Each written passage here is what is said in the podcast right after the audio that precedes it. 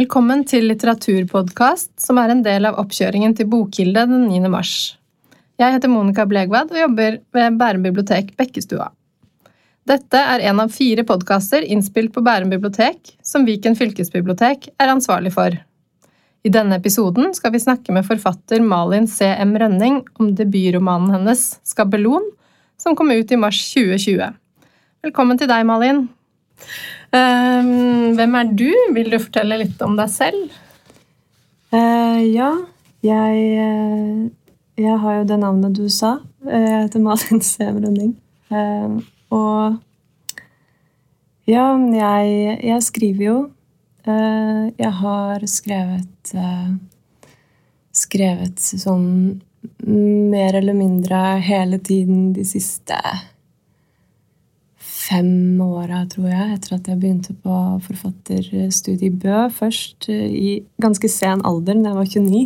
Ja. Så tenkte jeg at jeg, at jeg ja, men kanskje bare skulle søke før jeg, liksom, før jeg ble altfor gammel. da. Eh, så kom jeg inn der, og da eh, var jo det fantastisk. Fordi jeg oppdaga plutselig for første gang at eh, ja, men det finnes jo andre mennesker eh, som skriver, som jeg eh, kan snakke om tekst med og snakke om litteratur med. For jeg har liksom aldri um, Jeg har ikke vært i litteraturen sånn i 20-åra, så jeg har drevet med mange ting. Men litteratur har vært uh, veldig som mitt eget. Jeg har mm. lest mye, og jeg har skrevet mye, men, men jeg har ikke hatt noe Jeg har ikke liksom hatt noen sammenheng, eller søkt søkt etter en sammenheng, da. For det har på en måte bare vært mitt eget. Og så, mm. og så, og så innså jeg jo etter hvert at uh, det ville jeg ha. Ja. Jeg ville ha en sammenheng. Så det var, det var fint. Uh, og ga jo, ga jo mersmak. Jeg, jo, jeg hadde jo tenkt på det i, i flere år i forveien. at jeg men, men, ikke sant, man utsetter, og så skjer livet, og så, så går tida, liksom. Mm. Eh, men da tenkte jeg jo også på det at jeg, eh, jeg har lyst til å søke eh, til, på litterær gestaltning i Göteborg. Mm. Så jeg søkte der det året som jeg slutta i Bø. Og så ja. kom jeg inn der og gikk to år i, i Göteborg, og det var jo enda Altså, det er jo et, et, et mer, mer, avansert nivå. Så, så, man lærer jo så klart Altså, man går bare mer inn i inn i skriving og lesing. Og, eh, det, har, det, har, vært så fantastisk. Veldig, veldig lærerikt. Og um, å møte, møte kloke, kloke, dyktige folk som, som har som også skriver? Ja, som også skriver. Hvorfor har, du, hvorfor har du skrevet akkurat denne romanen? Er det noe du har holdt på med også under studiene? eller? Eh, det er litt Altså, jeg husker eh, etter at jeg hadde gitt ut den boka her, så, eh, så var det en barndomsvenn av meg som sa at Men Malin, du har jo du, du, sa jo at du ville skrive om Du sa jo at du ville skrive om en jente som på en måte sitter fast i skogen allerede når du var 20. Det husker jeg ja. du snakket om. Okay.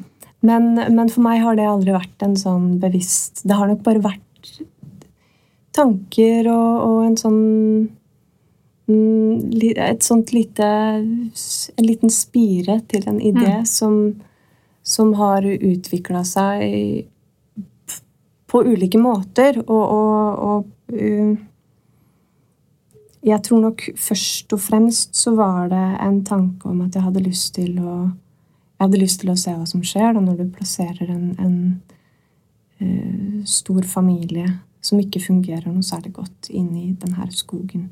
Mm. Eh, og jeg ville også skrive om, om, skogen.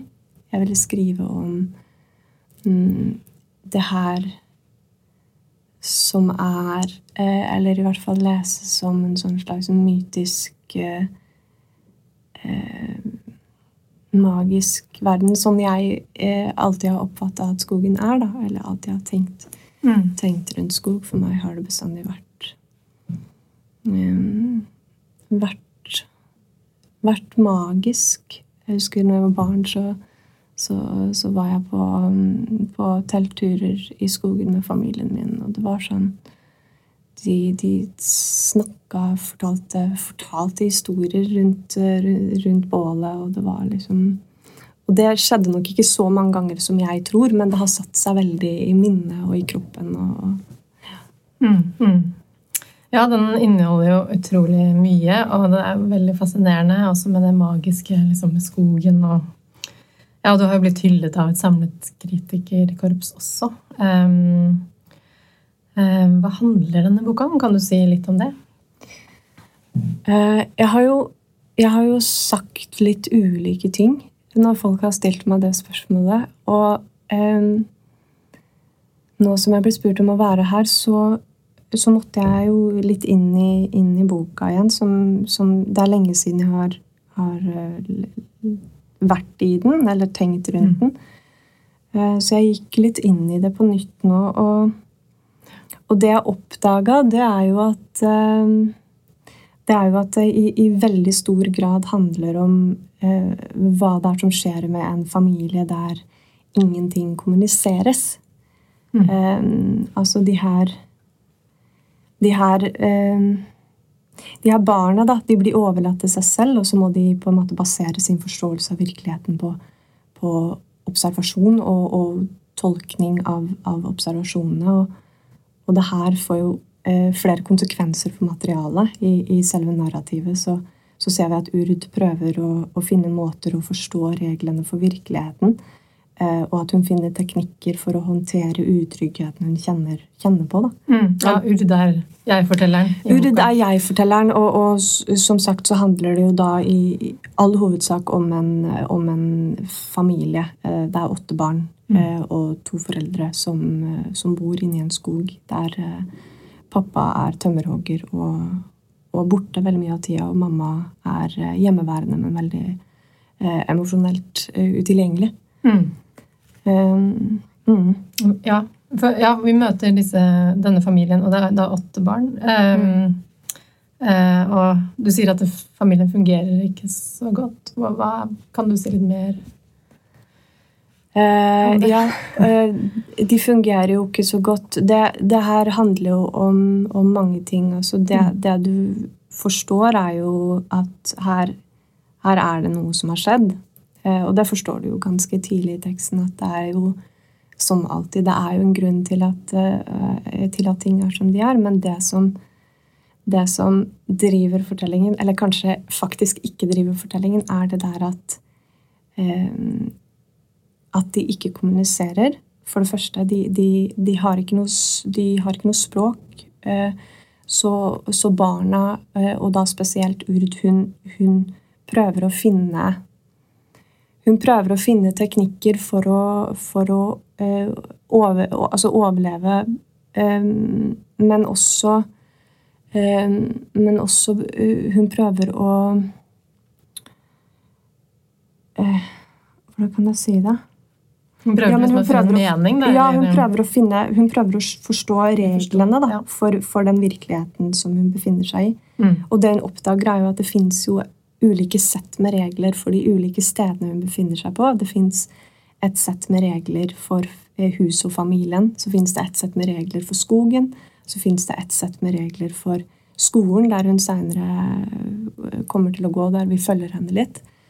Um, og det her det her er jo problematisk, for hun, hun eh, forstår verden bare gjennom observasjon. Hun blir ikke fortalt noe. Ikke, det er ingen som setter seg ned og sier hvordan ting fungerer. Så hun, hun, observerer, og i og med at hun er veldig mye i skogen og har en veldig sånn, hun har en nærhet til naturen, så observerer hun så klart mye dyr. Mm. Mm. Uh, og dyra blir da en slags uh, uh, en, et slags filter, da, kan du si. En måte som hun eh, tolker verden gjennom. Så hun, hun, hun, hun, ser, hun ser hva dyra gjør, og hvordan, hvordan, det fungerer i naturen, og så prøver hun å, å, å liksom eh, Klistre det på, på, på den her andre virkeligheten, som kanskje er skolen. Og det fungerer jo veldig dårlig. Ja, for, for hun sier jo flere, hun sier at hun forstår, de, hun forstår hva de tenker, eller hun mm. ja, eh, hun ser døde dyr i skogen, og det er liksom bare noe som skjer. og um, ja, Men det går ikke så bra, kanskje akkurat det, da. Å, å overføre den forståelsen over til Nei, den byverden som også Nei. er det er klart. Og så er det jo det at hun, hun bruker jo dyra på mange, mange måter. Én ting er jo at hun at hun, hun prøver å forstå verden gjennom dem, men hun bruker dem jo også som en slags eh, som en slags selvtrøst, da. Mm. Sånn som for eksempel eh, eh, Noe som skjer, og som er en sånn gjennomgående, gjennomgående bue gjennom historien, er jo at eh, søsknene flytter ut. ja. En og en, en etter en. Eh, og det blir tommere og tommere, og huset tømmes på en måte for mening og innhold. Og, og den, altså den dagen når hun finner ut at broren eh, skal flytte ut, som hun ikke Faren forteller det bare i en, i en bisetning. sånn, ja, men det visste du vel, og, og hun har jo ikke fått vite det, for de snakker jo ikke sammen. og det er jo ingen som informerer henne om noe som helst. Og istedenfor å bli lei seg og gråte, da, så så omdirigerer hun tanken og, og, og flytter fokus over på en forestilling om en bever under vann som ligger på ryggen og kikker opp mot sola og ser sola komme ned. Mm. Um, og det er jo en, også en måte å se på dyr på som ja, som, som, er, som er gjennomgående, da. Mm. Ja. ja, hun gjør det flere ganger. At hvis det skjer noe som er voldsomt, eller som, Ja, som plutselig skjer, da hvor, hun ikke har blitt, det er noe hun ikke har blitt forklart, Ja. så dykker hun inn i en, noen sånne type situasjoner som Ja. det. Ja. Ja. Ja, hvordan ser hennes verden ut, da? Hva opplever hun? Eh, for, hun streifer rundt og er ofte sulten, ofte alene, og, mm. eh, og hun må jo finne ut av alt selv, da, og Mm. hvordan ja, går det Er det liksom en vei ut av det mørket kan du si, som hun befinner seg i?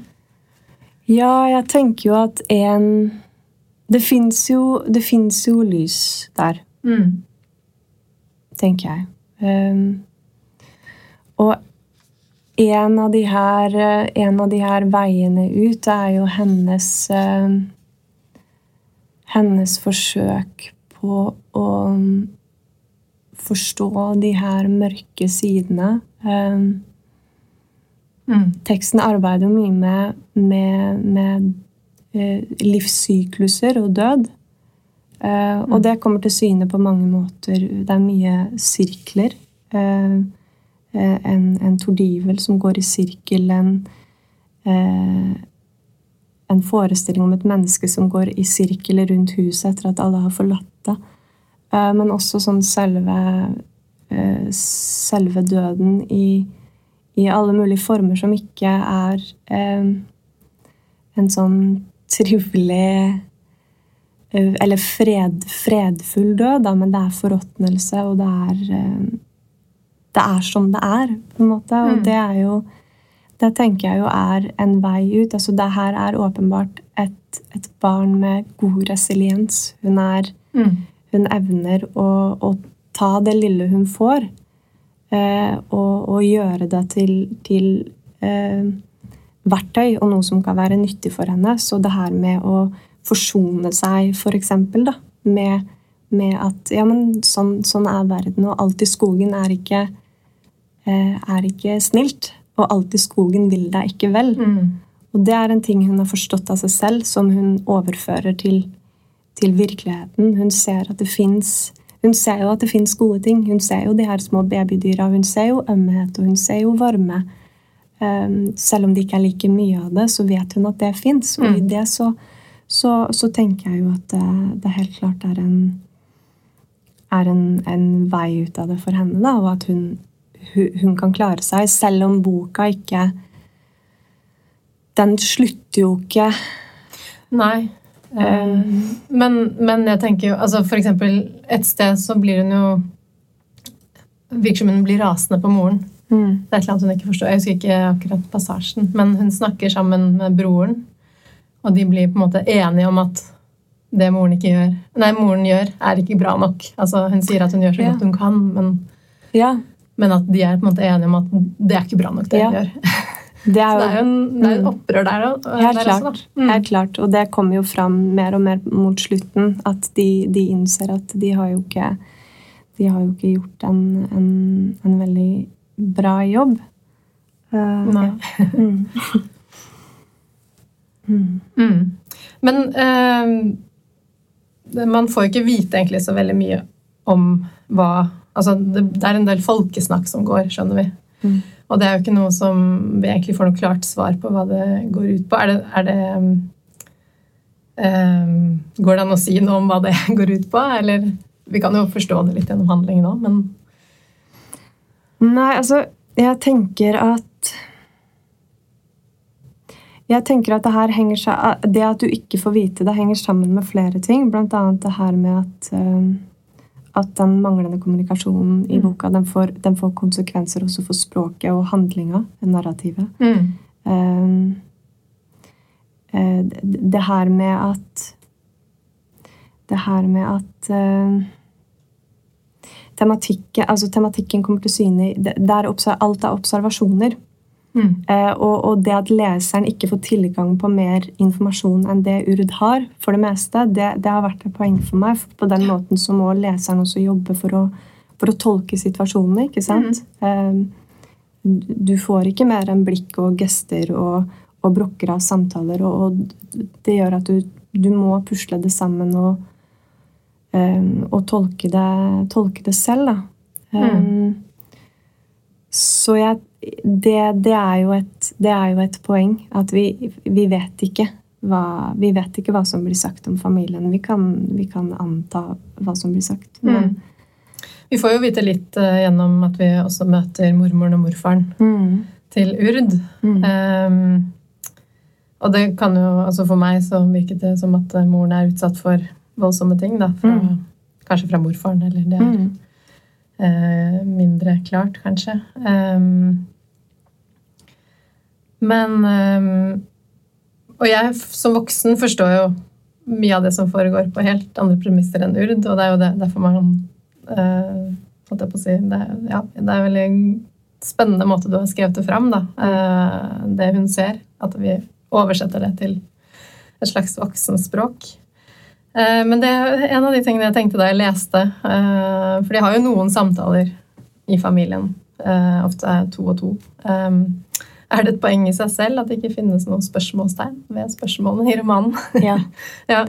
Eh, kjæresten min han sa faktisk noe ganske fint om det her. Han sa at eh, eh, det, er, det er en familie uten spørsmål. Fordi vi vet jo at det ikke fins noe svar. Urd vet at det ikke fins noe svar eh, å få. Du Mm. får ikke informasjon. Og hvis det er sånn at du allerede har lært deg at du får ikke svar, så slutter du å spørre. Mm. Og det har skjedd gjennom boka. Det, det, det, det er ikke noe Det er ikke noe, det er ingenting å spørre om, fordi, fordi det, det er ikke noe svar å gi. Eh, Så det var også et, et helt bevisst, eh, bevisst valg. Det fins to, to spørsmål helt til slutt. Ja, Ja, akkurat. I slutten så, så står det Og nå, minnet er helt blått. Var dette alt? Spørsmålstegn. Ingenting mer? Spørsmålstegn. Ja, Så der har du, der har du de. ja nettopp. Ja. uh, ja, men uh, ja, vi har denne familien som ikke fungerer, og de kommuniserer ikke. Uh, er det noe Og de er jo utenfor samfunnet, og det virker ikke som at noen på en måte gjør noe for å redde disse barna, eller Nei. Eh, Det er jo en kvinne innom som stiller en del spørsmål, men det kommer ikke noe ut av det heller. Mm. Eh, er dette en form for samfunnskritikk på noe vis, eller tenker du om det? Ja, det er det jo. Mm. Ehm, men det er en samfunnskritikk som Som ikke er dømmende. Mm. Eh, jeg er ikke interessert i å, å rette noen pekefinger mot, eh, mot noe som helst eh, eh, enkeltpersoner eller institusjoner, men, men det handler jo om at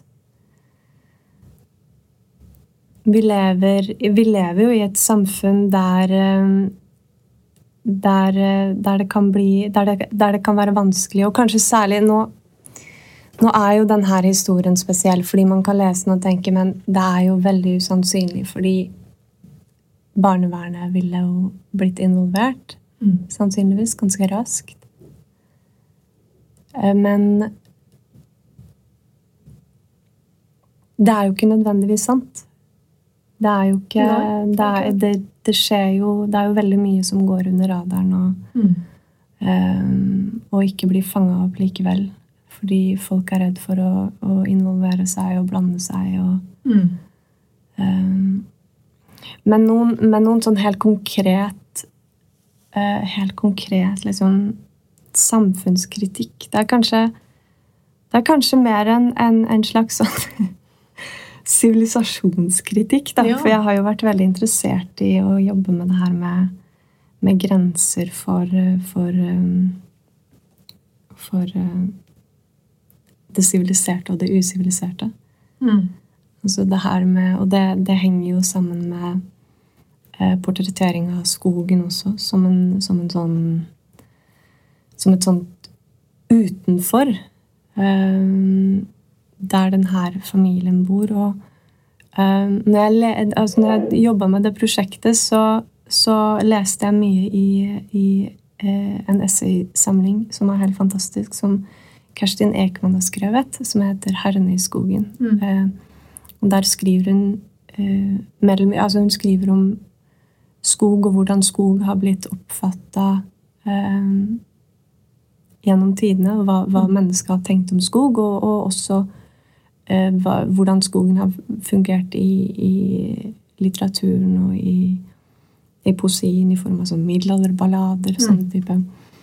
Um, og hun, hun er i, i, den boka veldig, veldig skarp og, og retter, en, retter, en, kritikk mot, mot måten, vi, måten, vi, behandler uh, skogen på, men, men også Eh, den her Jo, men det klassiske. Så vi, vi har fjerna oss fra naturen mm.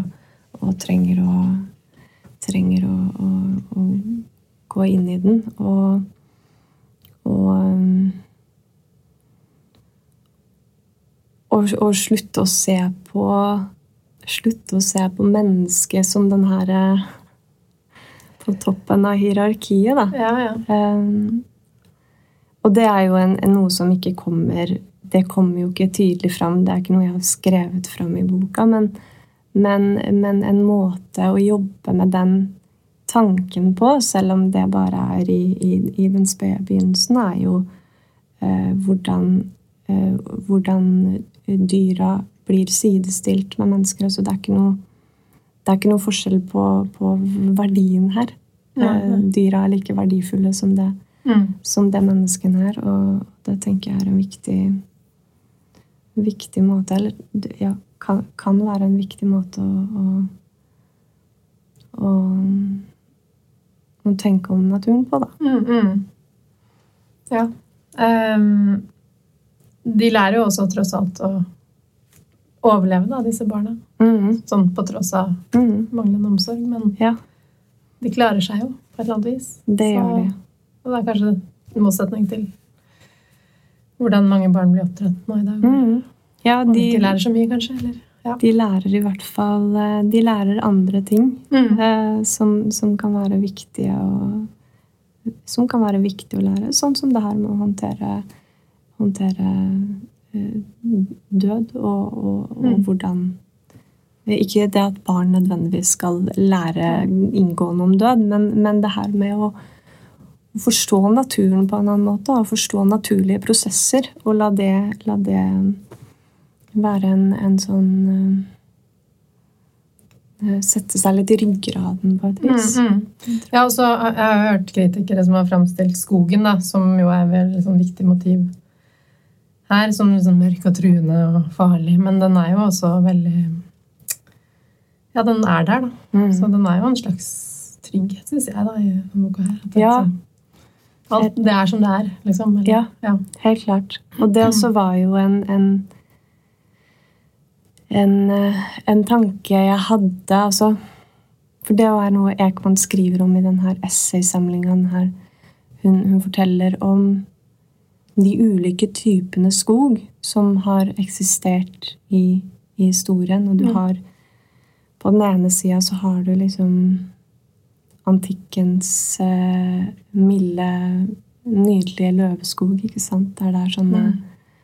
fauner og, og, og, og, litt sånn sånne vennlige vesener. De kan være rampete, og de kan være ikke sant? Det kan være dramatikk der, men, men det er vennlig. Men så har du eh, i, i motsatt ende så har du eh, de her nordiske skogene som alltid har, har vært eh, og blitt fremstilt som som truende og, og, og farlige. Og det har de jo også på mange måter i, og, gjennom historien vært i ulike tider. Altså, det å gå seg vill har jo vært en, en reell fare. Du kan dø av sult og kulde. Du Mm. kan bli spist av eh, ville dyr. Du kan bli eh, Forbrytere dro jo gjerne til Mm. skogs, ikke sant? så du kunne bli rana og drept. Altså, det, var mye, det var jo mye fare forbundet med, med skoger, men, men også det her at eh, Også det her at det, det, navnene vi har gitt Navnene vi har gitt eh, den her mørke skogen,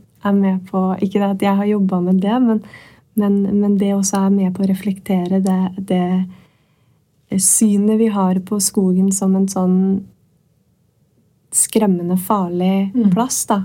Så vi har, vi har ulvemelk og, og sli, altså slimsopp husker ikke alt, men det er mange sånne sånn ekle, skumle, skumle ord, i motsetning til liksom, ja, men enger og eng, englandskap og sånt har jo helt andre Ja. navn. Der er det engsoleie og sånn nydelige nydeligheter. Sånn pastoralt uh, Edens hage-aktig. Mm, mm. Men det, det er interessant, ja, også. veldig. tenker jeg.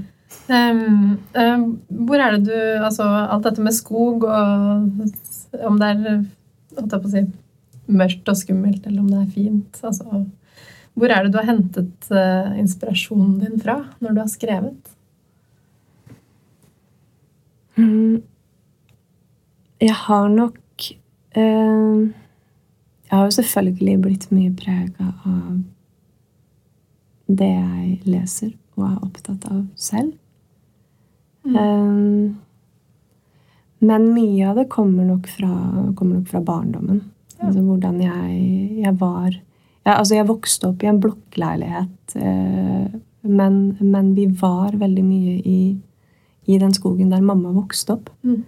Så jeg, jeg, hadde et veldig, jeg hadde et veldig, veldig nært forhold til, eh, til skogen og trivdes mye. Og, og, og hadde også en eh, En voldsom forestillingsevne og sikkert en typisk sånn overaktiv fantasi, så det skulle lite til før jeg, før jeg levde meg inn i, meg inn i eh, ting og forestillinger. Mm. Så det er nok mye det er nok mye det som har prega meg, tror jeg. Men selvfølgelig også den der Jeg ble lest mye for, og, Mm, mm. og, og leste mye selv når jeg var barn. Så, så der kommer nok det her eventyrske Det eventyrske inn. Eh, Det har jo heller ikke vært noe som Det var ikke noe, det var ikke noe bevisst når jeg skrev. Det har jeg liksom blitt Det har jeg sett tydeligere etter hvert som ja, når kritikerne begynte å anmelde.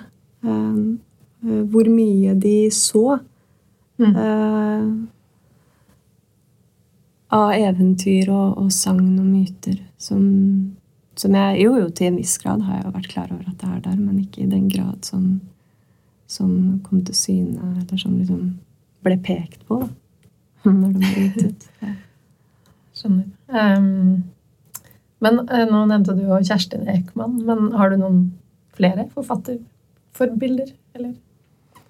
Mm. Ja, jeg har jo det. Det er, det er så vanskelig å komme på sånn i Når man skal, skal huske det umiddelbart. Jeg så du hadde nevnt Hiromi Ito et sted Ja, et intervju. ja du, det er sant, Hiromito. Japansk, Eh, Wild Grass on the Riverbank leste jeg, og ja, den, inspir den inspirerte meg veldig. Mm. Eh, eh, mest mest eh, språket og Nå er det jo en engelsk oversettelse, da, så jeg kan jo ikke si Mm. noe om, om språket per se, egentlig. Men, men, eh, men også det herre Det herre absurde. Eh, absurde i, i historien og fortellingen. Og hun også skriver jo om denne historien her og handler jo om utsatte barn eh, i fattigdom Ja.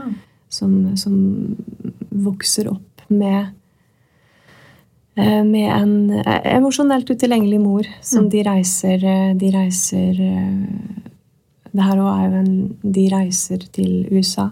eh, eh, og, og, og, og ja, flytter, finner et nytt sted å bo. og Mm. og der er det gress, sånn riverbanks med, med gress, og gresset får navn og ble, blir sånne eh, egne karakterer. Hun, hun gjør det så elegant og smart. Det høres veldig spennende ut. Ja, den burde du absolutt lese. Anbefales. Uh, ja. Har du, leser du den akkurat nå? Som du Uh, ja, det gjør jeg jo. Uh, jeg leser litt Nå leser jeg litt forskjellig. Jeg leser Beckett, Samuel Beckett. Malone. Malone dør, hva er det den heter, tror jeg. Og så begynte jeg på Så begynte jeg faktisk på den, den der nyeste til Knausgård. Morgenstjernen? Morgenstjernen. Jeg har aldri lest noe Knausgård tidligere.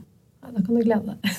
Ja, jeg er veldig jeg, jeg ble ganske betatt av de første sidene, og det, det trodde jeg ikke nødvendigvis jeg kom til å bli. Nei, akkurat. Eh, og så, så ja. Mm. Mm. Men eh, litt tilbake til disse barna i skogen. Jeg Mm. tenkte jeg ville be deg om å lese litt, jeg. Eh, Det er jo liksom en del sånne ganske voldsomme scener i denne boka. Eh, Mm. Og du har funnet fram en av de. Ja, det her Jeg kan jo fortelle litt om foranledningen, for jeg, jeg starter jo midt i, midt i en tekst. Um, Gjør det. Her har Ira blitt eh, altså, Den ene søsteren har blitt eh, syk. Eh, og, og alle barna har da samla seg Først så samla de seg på rommet for å finne ut hva de skulle gjøre med henne fordi feberen var så høy. Um, og, og mamma hun er jo nede i stua, men hun involverer seg jo ikke i, i, i sånne trivialiteter som, som sykdom, f.eks. Um, men de finner ut at den beste måten å få ned feberen på, da, det er å, å ta henne med ned til vannet og dryppe henne. Mm. Um, det går jo ikke så veldig bra, for hun, hun er jo nær Altså, hun er jo helt, helt ute av det. Veldig, veldig veldig syk, og når hun blir lagt i det her kalde vannet, så får hun jo sjokk, og, Mm. og de glipper taket, og hun forsvinner under, og det er mye, mye bråk og mye styr, og det her er på natta. Det er på natta, og, og huset ligger rett i nærheten av, vannet. Det går en liten sti fra huset ned til vannet. Um, og de har, de har fått De ser at lyset går på i huset, eh, og at mamma er våken. da. Mm. Eh, Og det er jo en ting, ikke sant? Hun liker jo ikke bråk. Og, og sånn styr det syns hun ikke er greit, selv om hun ikke involverer seg i ting. Ehm, så nå har ehm, Nå har de fått Ira opp igjen eh, til, til huset. Hun blir båret av den ene broren sin ut av skogen for å komme seg på et sykehus fordi mamma ville ikke hjelpe til med det her. Ehm, Eh, alle de andre har ja, gått og lagt seg. Da begynner jeg, Ja. begynner jeg å lese. Mamma sitter ved kjøkkenbordet med L hengende over skuldra. Jeg står i døråpninga. De andre har gått opp, de er på vei i seng. De tråkker rundt i annen etasje. Mamma tenner en sigarett. Hun tar et trekk. Hun kikker opp i taklampa. Dere må ikke la døra være åpen når det er mørkt ute. Dere slipper inn insekter, sier mamma. En møll krabber på glasskula. Det var du som åpna døra, mamma. Bak mamma er vinduet. Jeg ser ryggen til Ask utenfor og den hvite dyna rundt Ira. Den lyser opp i mørket. Jeg følger dem med blikket over tunet. De forsvinner bak trestammene. Før han gikk, sa Ask til meg at han vil bære henne helt til hovedveien. Han skal ta pauser når han blir sliten i armene. Han skal legge henne på bakken og spørre om det går bra. Han skal gå til rasteplassen og inn i den røde telefonkiosken. Han skal ringe etter hjelp. Eller haike med en bil. Eller finne et hus og banke på, helt til de åpner. Han skal spørre om de kan kjøre dem til legevakta. Mamma reiser seg opp fra stolen. Hun blåser røyk mot møllen. Den slutter å bevege seg, men flyr ikke bort. Kanskje holder hun pusten. Mamma ser så trøtt ut. Jeg sier mamma, jeg er sulten. Hun rører borti hodet mitt, legger håret mitt bak øret. Hun sier gå og legg deg, det er første skoledag i morgen. Så fint. Tusen takk. Um, har du noen planer for noen ny bok, eller andre planer for framtiden? Jeg, ja, jeg holder på å skrive en ny bok nå. Ja. Som, eh, som jeg er, er eh, i, i startfasen av. Så det er fortsatt eh, Den er på alle mulige steder i hodet mitt. Og driver og nøster sammen og prøver å, prøver å finne en sånn sammenheng. Og, men det kommer. Det kommer noe nytt. Eh, Spennende. ja, det er, det er veldig gøy å, å bare være i en, en, en ny virkelighet. Den er jo ganske klaustrofobisk eh, å være i over lengre tid enn det. Så det, Mm. å, det, det var godt å slippe den og bli ferdig. Da gleder vi oss til det kommer en ny bok. Takk for at du kom eh, i dag, Malin. Veldig fint å ha deg her. Eh, Da gjenstår det bare for meg å minne om digitalt bokkilde 9. mars. Takk for nå.